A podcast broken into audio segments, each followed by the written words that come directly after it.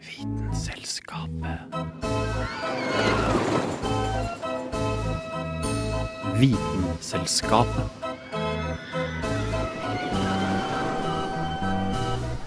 Vitenselskapet.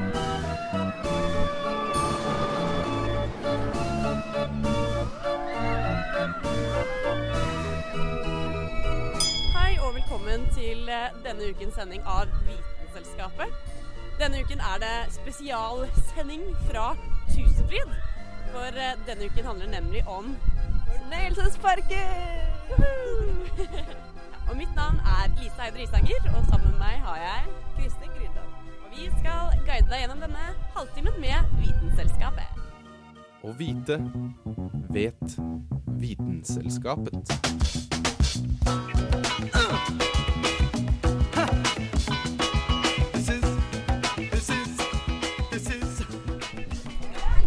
er eh, vi på Tusenfryd og står i kø utenfor Speedmonster Speed Monster, er det vel? Ja. Og eh, gleder du deg, Kristin? Jeg gleder meg faktisk eh, vilt. eh, Men eh, det jeg lurer litt på, er hvordan vi skal klare å holde oss eh, opp ned. Fordi den går jo litt opp ned. Og likevel så er man faller jo ikke ut.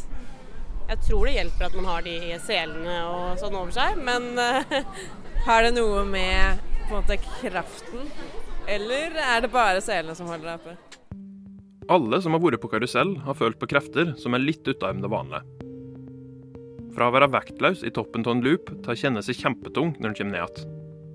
Hva er det egentlig som skjer mens kroppen blir kasta rundt omkring i en forrykende fart? Når en snakker om å reise fort, er det ofte G-kraft som blir brukt som målestokk. Nå er ikke G-kraft ei faktisk kraft. G-krafta er en måleenhet for tyngdeakselerasjon. Bak G-en gjemmer den gode, gamle tyngdekrafta seg. Dette er ordentlig fysisk kraft.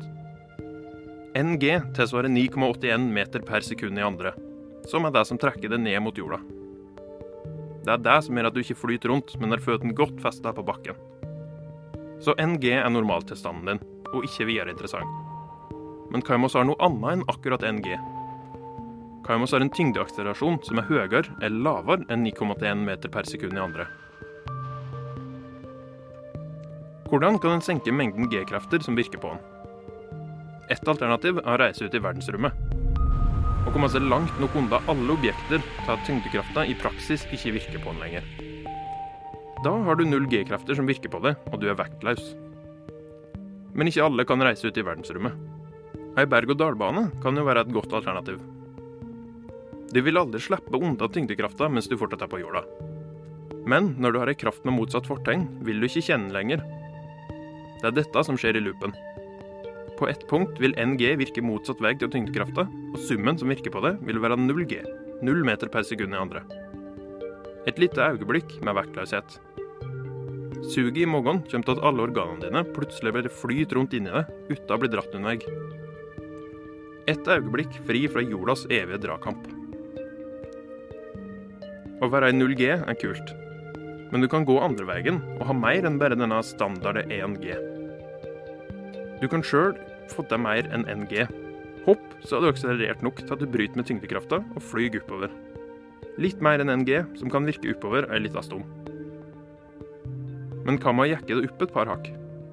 På ei berg-og-dal-bane kan du få kjenne på betraktelig sterkere krefter. Rekorden for flest G-krefter måla på ei berg-og-dal-bane er helt av Tower of Terror i Johannesburg. Her er det på det høyeste registrert 6,3 G. Til sammenligning var det 7,19 G når Apollo 16 kom tilbake i atmosfæra. G-krefter er ikke nødvendigvis noen skal ta for lett på. Det kan faktisk være farlig for et menneske å bli eksponert for sterke G-krefter. Men det er ikke bare styrka på kreftene som er viktige. Hva retning de virker i, er vesentlig for hva de gjør med menneskekroppen. Virker G-kreftene vassrett på kroppen, kan en tåle oppimot 20 G i 10 sekunder. Ikke så farlig, altså. Men virker G-kreftene loddrett på, kan du støte på problem. Sterke nok loddrette G-krefter gjør at blodet blir værende i føttene dine. Dette er et problem med tanke på at kroppen, og særlig hjernen, trenger oksygen for å funke ordentlig. Flere ting skjer med kroppen ved mange loddrette G-er. For det første kan du gråe ut. Dette betyr at du i øyeblikket mister fargesynet, og verden blir plutselig grå og kjedelig. Det neste som skjer, er at du mister sidesynet, og du får en midlertidig tunnelsyn. Blir blodmangelen sterk nok, kan synet forsvinne helt en periode. Ved enda mer ekstreme G-krefter vil en besvime. Dette kalles G-lock, et G-indusert loss of consciousness. I ekstreme tilfeller kan G-krefter føre til at en person dør.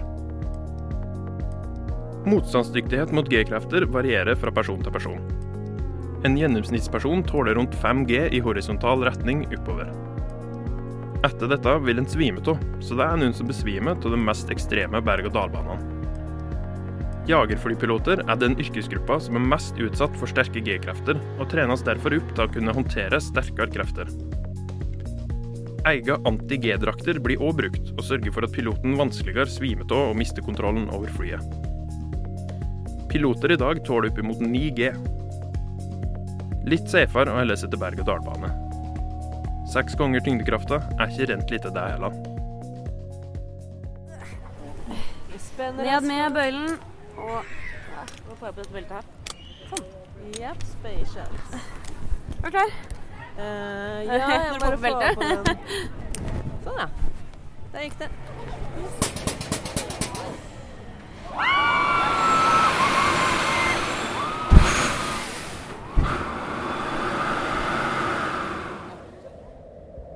Du befinner deg på toppen av en høy bygning. Du kan skimte bakken langt der nede. Tærne dine stikker noen millimeter utenfor kanten. Hendene dine skjelver, og hjertet dunker. Et ubehag starter i brystet og brer seg ut til alle kroppens hulerom. Omgivelsene begynner å danse foran øynene dine. Det føles som om noen kveler deg. Er det nå du skal dø?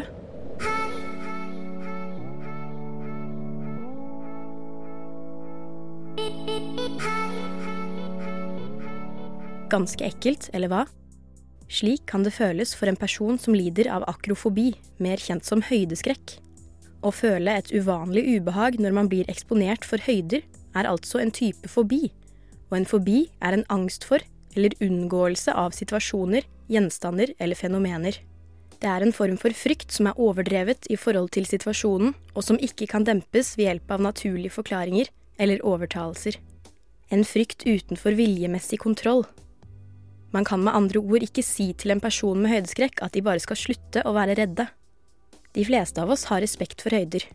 Det er en ganske fornuftig holdning, men for ca. 10% av befolkningen blir forsiktigheten til en fobi.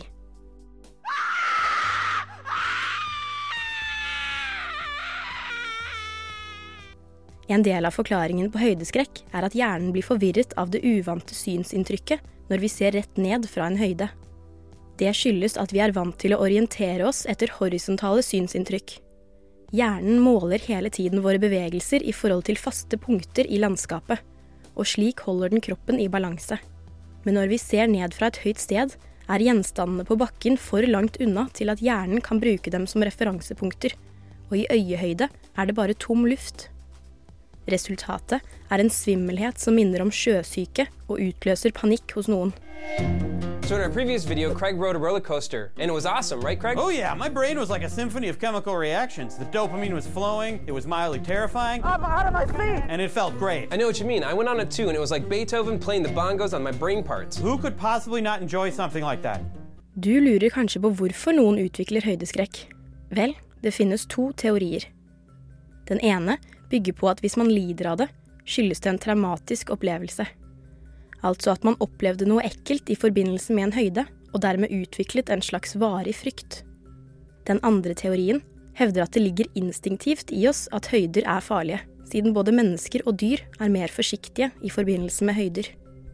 I likhet med andre fobier kan de fleste tilfellene av høydeskrekk helbredes gjennom terapi. Den vanligste metoden er eksponeringsterapi, der personen gradvis konfronteres med den situasjonen som utløser angsten. Dersom man har høydeskrekk, kan man f.eks. bli satt til å krype langsomt opp en stige trinn for trinn.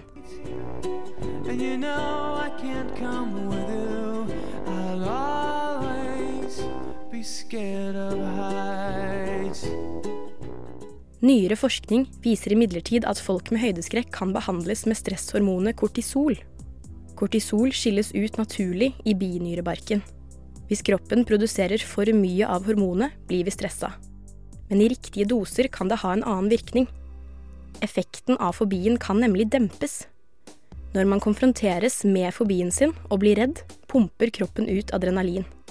Kortisol kan bremse virkningen av dette adrenalinet, og dermed også dempe fobisymptomene. Du står fortsatt med tærne utenfor stupet. Vinden river i håret ditt. Bare litt til. Fobien inntar kroppen din som en parasitt. Du er sjanseløs. Et siste sukk før luft er det eneste som omfavner deg. Vitenselskapet. Vitenselskap. Vitenselskapet. Vitenselskapet. Vitenselskapet. For den her uh, spinspider da, som vi står ved nå, er jo da tydeligvis eh, 22 meter høy. Eh, og da havner man jo 44 meter omtrent eh, opp i lufta på det høyeste. For den her eh, snurrer jo da og, og pendler seg måte opp ned. Nesten, da. Nesten opp ned. Halvveis opp ned. Ehm, ja, det ser skummelt ut, og det er skummelt. Og, men vi gleder oss allikevel. Vi gleder oss, og det er sånne situasjoner hvor jeg lurer på liksom, hvorfor, hvorfor gjør vi det her mot oss selv? Ja, Hvorfor i all verden syns vi dette er gøy? Det ser jo ut som man kommer til å dø. Det er ikke bare det at vi mennesker oppsøker truende og potensielt farlige situasjoner. Der vi f.eks. kan bli kroppslig skadet. Vi liker også å bli skremt på flere forskjellige måter. Skrekkfilmer, skvettescener i film, skumle fortellinger og eventyr, tanken på det ukjente, alien-spekulasjoner. Alt dette er ting som skremmer oss, men som vi allikevel bruker mye tid på. Hvorfor bruker sunne, balanserte og avslappede mennesker så mye tid på det skumle? Før vi går videre med dette spørsmålet og ser på teoriene, så kan det være lurt å gå gjennom de forskjellige typene frykt.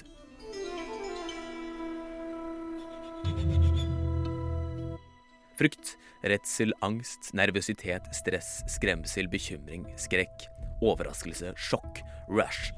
Alle ord som vi kjenner igjen i det vi gir i kast med det ukjente, det store, det nye, enten det er å gå inn i et mørkt rom eller hoppe i fallskjerm. Men det er forskjell på redselen idet du hopper ut av flyet med fallskjerminstruktøren, og frykten idet du skal utforske noen gamle ruiner og finne torturinstrumenter der. Dette er forskjellen på terror og horror.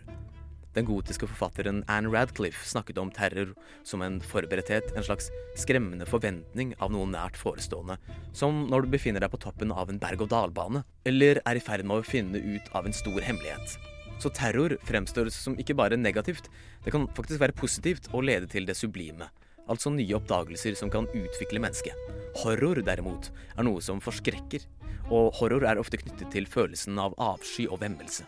Terror var ifølge Radcliffe noe som ikke kunne utvide og inspirere, mens horror var noe som skrumpet inn og reduserte. Begge er dog viktige i en spøkelsesfortelling, og begge blir ofte brukt i dagens skrekkfilmer.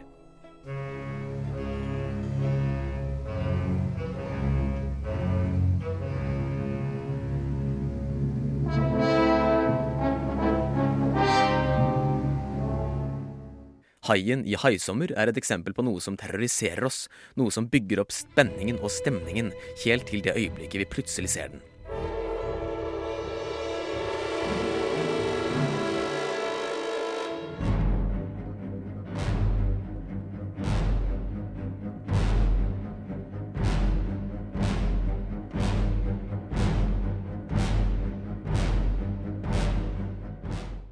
Når de hjelpeløse fangene i Saw-filmene må kutte av seg kroppsdeler for å slippe ut av Jigsaws dødsfeller, da er det mer snakk om horror.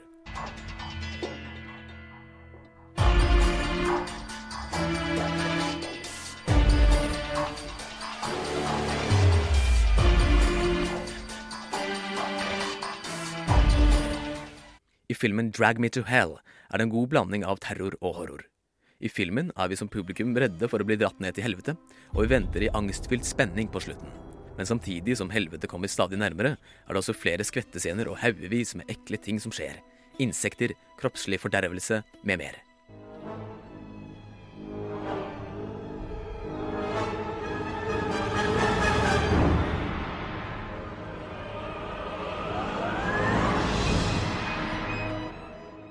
Terror er forventning og spenning. Horror er objektet til forventningen eller realiseringen i det vi ser det groteske.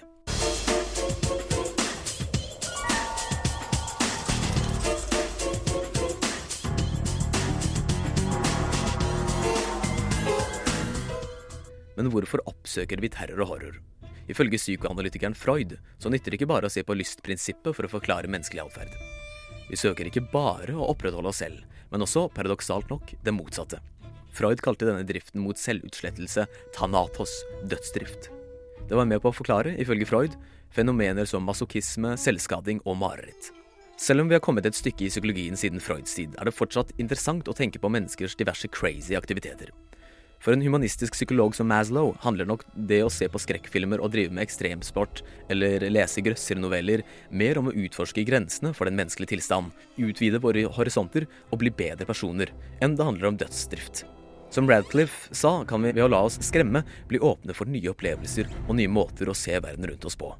Eller så kan det være at vi bare er adrenalinjunkies hele gjengen.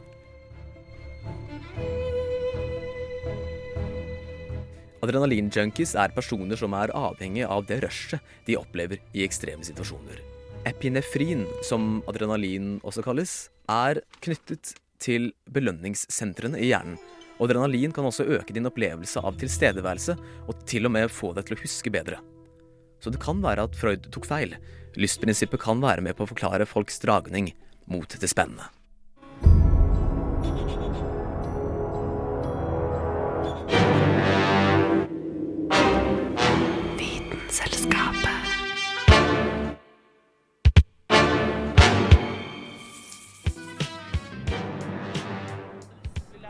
Da står vi i kø på Tønde Coaster, som da er eh, ja, en ganske En eh, hva skal vi si, berg-og-dal-bane for de eh, viderekomne, kanskje? For de tøffe?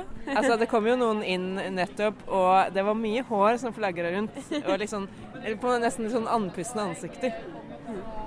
Så her i hvert fall skal vi oppleve nesten 100 km i timen. Det er ganske raskt, vil jeg nå si. Eh, og i tillegg eh, så har vi fått vite at eh, det droppet som eh, kommer, altså typ andre bakken, da, eh, det er faktisk brattere enn hoppbakken i Holmenkollen. Det er ganske sykt. Føler du deg litt utrygg? Eh, jeg føler meg alltid litt utrygg, men det er jo litt av spenninga. Når man drar til fornøyelsesparker og tar de største og villeste attraksjonene, er det jo gjerne fordi man vil kjenne litt på frykten, under kontrollerte forhold selvfølgelig. Det skal føles farlig, men man vil jo ikke at det faktisk skal være farlig.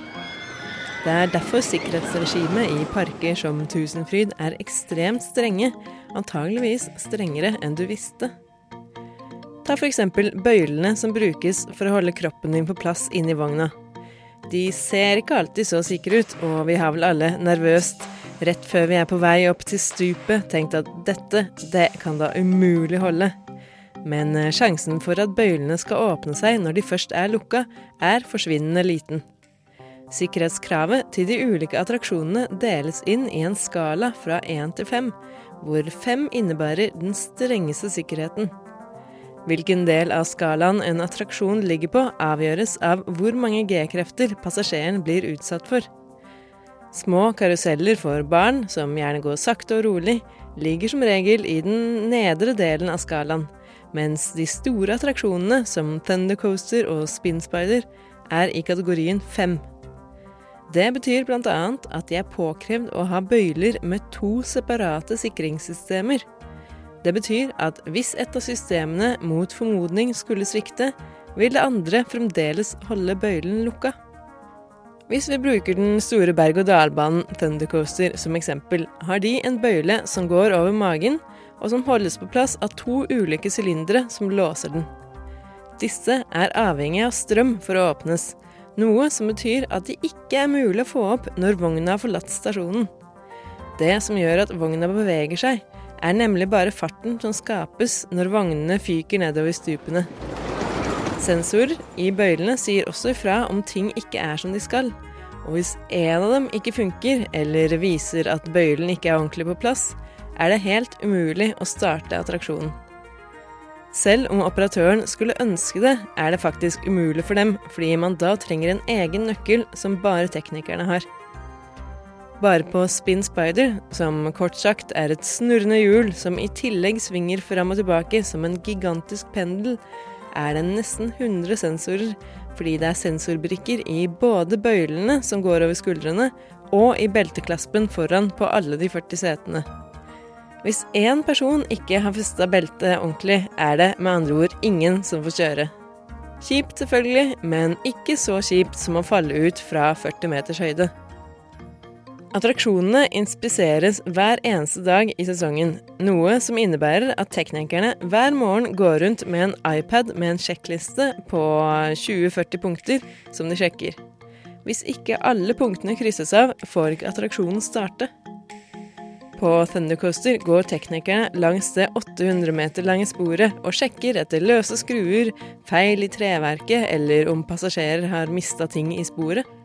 Noen av disse kontrollene tar kanskje en halvtime, men på de store tingene kan det ta så mye som to og en halv time å forsikre seg om at alt er slik det skal være. Dette er imidlertid ingenting sammenligna med hva de gjør når parken er stengt om vinteren. Du tenker kanskje at når sesongen er over på Tusenfryd, står bare karusellene og berg-og-dal-banene i ro til parken åpner igjen i april? Da må du tro om igjen, for vinteren er faktisk den mest aktive tiden på Tusenfryd. Hvis du er en tekniker. Alt av tog, biler og båter blir skrudd fra hverandre, ja, helt fra hverandre, ned i de minste delene. Så sjekker de hver eneste del for å se om de er i orden. Noen av delene, særlig de som utsettes for mye slitasje, må de bytte hvert år uansett om de virker helt fine. For å finne ut om det er skader som man ikke kan se med det blotte øyet, røntgenfotograferes delene, før alt sammen skrus sammen igjen. Et eget tysk selskap kommer og inspiserer hver eneste skrue før passasjerene får så mye som sette en fot inn i en vogn. Marerittet til mange, det å falle ut av en vogn som kjører i full fart, er med andre ord praktisk talt helt umulig. Men noen ulykker går det ikke an å sikre seg mot. I 2010 fikk en mann en måke i hodet da han tok spinspider. Kollisjonen ga han et blått øye og en hjernerystelse, mens måka, som åpenbart var på feil sted til feil tid, gikk det ikke like bra med. Den måtte dessverre avlives etter sammenstøtet.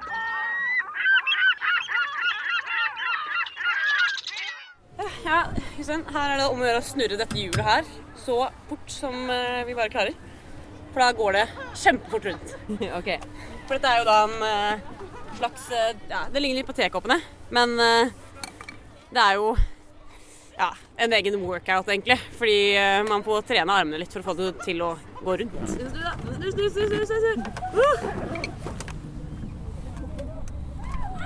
Å, herregud. Snurr, snurr, snurr, snurr, snurr, snurr, snurr. Oh. En gang til, eller? Uh, nei takk.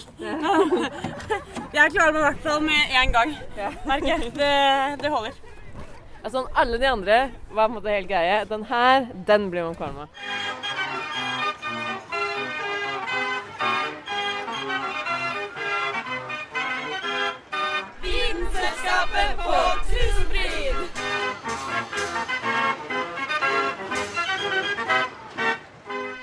begynner vi å bli klare for Westernekspressen.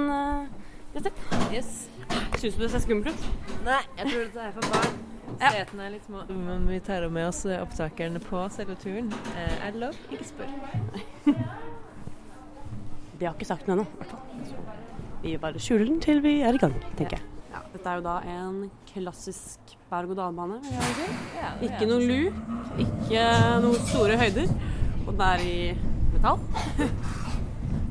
Og ja, vi er i gang. ja, vi humper av gårde i eh, Texas, eller hva vi enn er i. Ja, det er jo formet som et tog, og nå kjører vi oppover eh, De mangler den derre klakk, klakk, klakk, klakk, klakk, klakk, klakk. Men det får man jo tydeligvis bare på trebanene. Ja. Det var jo det vi eh, så i stad. eh, Ja, trebanene gir den der ordentlige mm, humpingen og klikking Ja. og sånn. Men det er helt greit for meg at Nå må ikke du holde på opptaket. Ja, nå for må nå går vi ned- nedover. Og vi sitter faktisk nest bakerst, for vi kommer til masse fart og masse sleng! Det blir kjempegøy. Ho!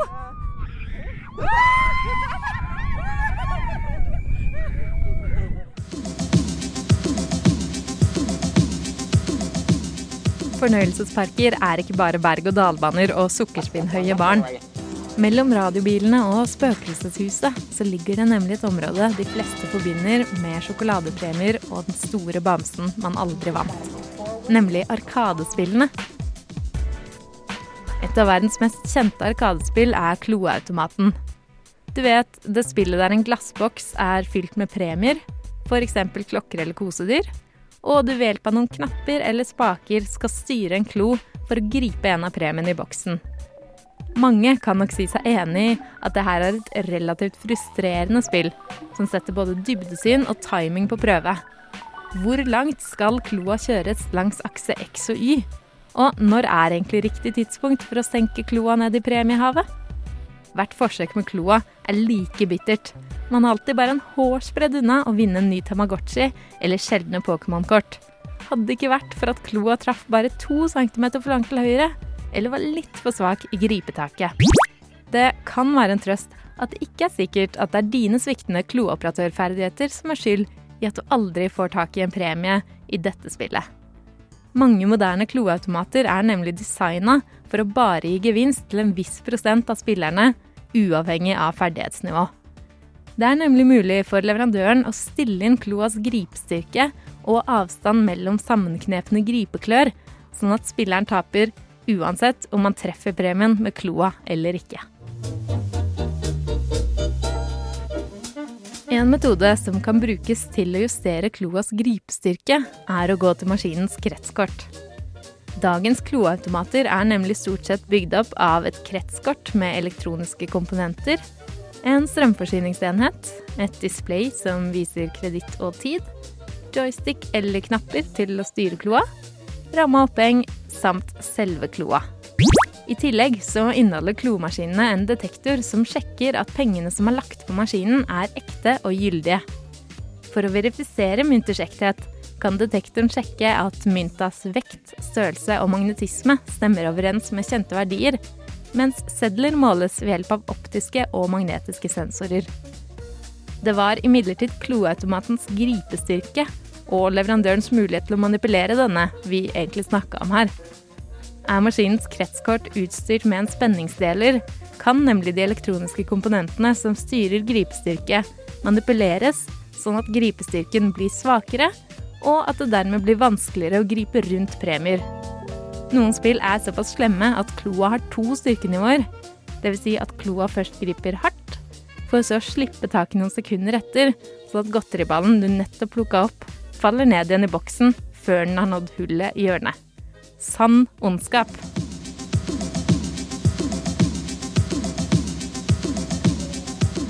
Mange kloautomater premierer altså mer flaks enn ferdighet.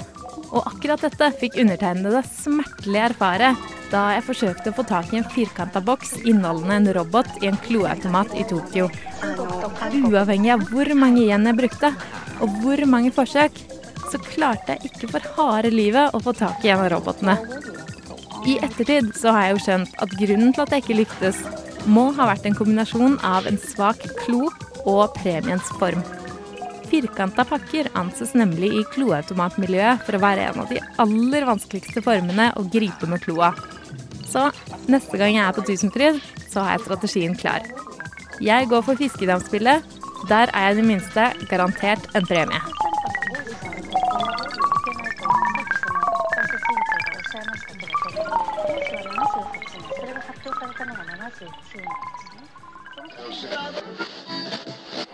Oslo 2 igjen, Oslo 2. Dette er Vitenselskapet. Radio November, Oskar, Viktor, Alfa. Yes, Kristin, da er det tid for å gå hjem. Hva, vil du, hvordan vil du oppsummere dagen i dag? Det har vært eh, oppturer og nedturer. Bokstavelig Bokstavelig talt. Eh, Men generelt en fortreffelig dag på fornøyelsesparken. Nå regner snør det. Så- Ja, så nå er det kanskje på tide å dra hjem. Eh, Dette har vært eh, Vitenskapet fra Tusenfryd. Mitt navn er Kristin Grydland. Og jeg er Lise Eide Risanger. Vitenselskapet. De som har bidratt til denne sendinga om fornøyelsesparker, var Carl Adams Kvam, Agnes Alstad Mogstad, Dag Schmedling Dramer, Hanne Grydeland, Lise Eide Risanger og Kristin Grydeland. Radio Nova, FM 99,3 og radionova.no.